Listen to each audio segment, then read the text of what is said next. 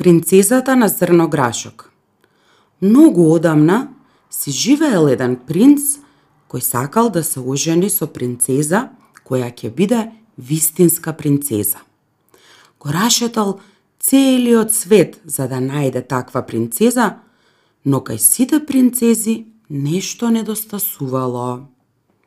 Имало многу принцези, но дали тие се вистински принцези, не можел да дознае и да биде сигурен во тоа, зашто секогаш ќе се појавило нешто што не било во ред. Тома се вратил многу тажен, зашто сакал да најде вистинска принцеза, но не можел да најде. Една вечер почнала да дува страшна бура. Светкале молни, грмеле громови, врнал пороен дошт, било ужасно. Наеднаш некој тропнал на градската порта и стариот крал отишол да отвори. Надвор, пред портата, стоела една принцеза. Боже мој, на што личела таа поради дождот и невремето? Течела вода од незината коса и облеката – и се слевала во чевлите, а од петиците истечувала надвор, а таа рекла дека е вистинска принцеза. Тоа ние ќе го дознаеме, помислила старата кралица, но ништо не рекла. Влегла во спалната соба, ги отстранила сите душеци и перници од креветот и најдолу на штицата на креветот ставила едно зрно грашок. Потоа зела 20 душаци и ги ставила врз зрното грашок, а врз нив ставила уште 20 јоргани полни со меки пердуви. На таа постела ноќта требало да спие принцезата. Утредента ја прашале принцезата како спиела – Ох, многу лошо, одговорила принцезата. Јас цела ноќ не затворив очи. Бог знае што имаше во мојата постела. Лежев над нешто многу тврдо, па сега целото тело ми е покриено со модринки. Тоа беше ужасно. Тогаш сите сватиле дека пред нив стои вистинска принцеза зашто го осетила зрното грашок преку 20 душеци и 20 јоргани полни со меки пердови.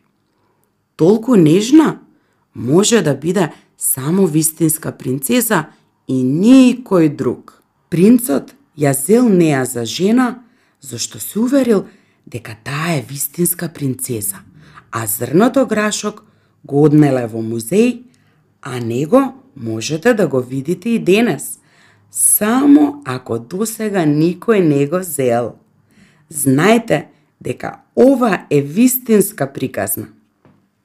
Трите прасиња Некогаш живеела една стара свиња која имала три прасиња. Свињата била многу сиромашна и тешко успевала да ги прехрани прасињата, па затоа еден ден ги викнала и им рекла – Мили прасенца, доволно сте големи. Одете во светот и секој за себе нека си обезбеди храна и топол дом. Внимавајте, домот да биде безбеден и цврст, зашто на младите прасиња може се да им се случи. Не плашете се од работа.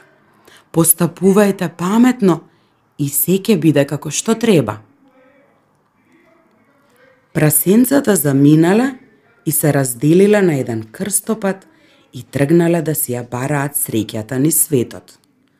Најмалото прасе одело, одело и сретнало еден силенец кој носел слама. Добар човеку, те молам, дај ми малку од убавата слама, го замолило љубезно прасенцата.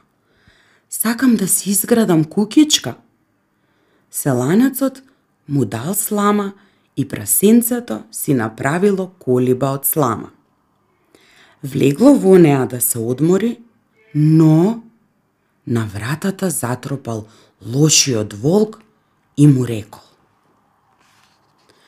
Прасенце, прасенце, отвори ми брзо. Не, нема да ти отворам.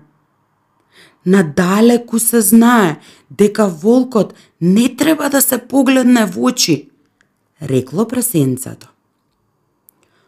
Тогаш чувај се. Се разгневи лошиот волк и почнал да дува со сета сила.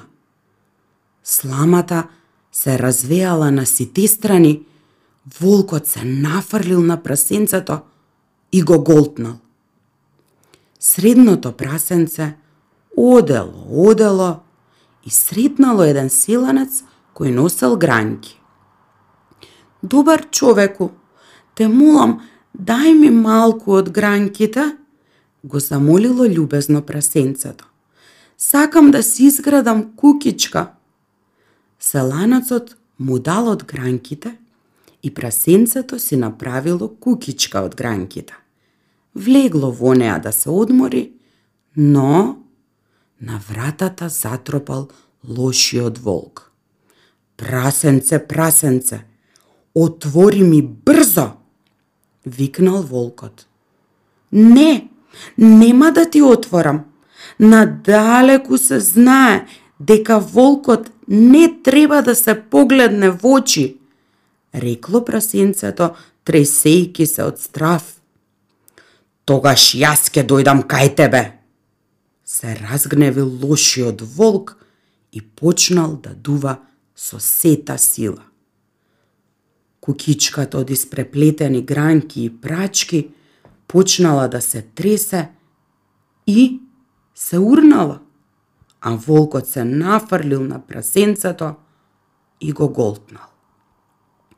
Најголемото прасенце одело, одело и на патот сретнало еден силанец кој носел тули на запрежна кола.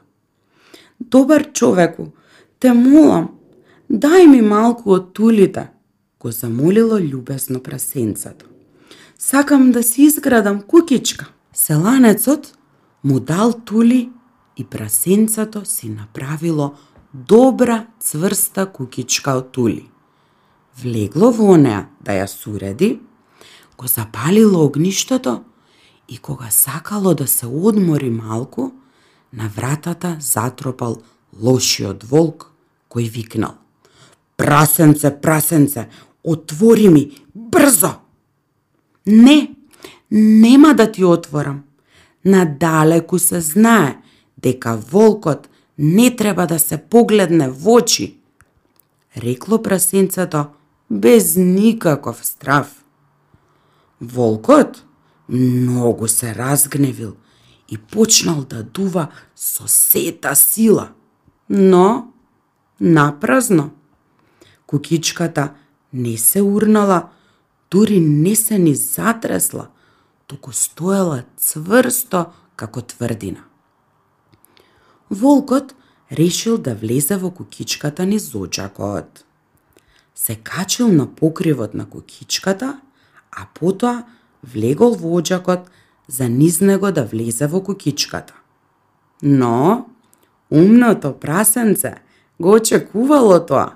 Веднаш го запалило огништето и на него ставило голем котел полн со вода, што почнала да врие. Волкот почнал да се спушта низ очакот и паднал во котелот со зовриена вода. Волкот одва и успеал да излезе од куталот, но поради големата напрегнатост му пукнал стомакот и од него излегле живи и здрави двете братчиња на прасенцата. Прасенцата многу се израдувале и се живееле среќно и безгрижно во кукичката, што може би се уште некаде постои преку девет гори, стара кукичка стои. Некогаш некое прасенце ја изгради за три месеци.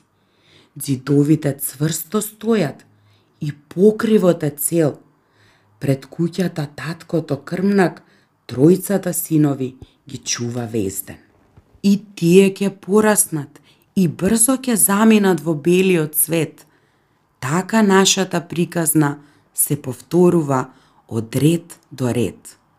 Еден куќа ќе гради, друг ќе лежи и ќе брои козји бради.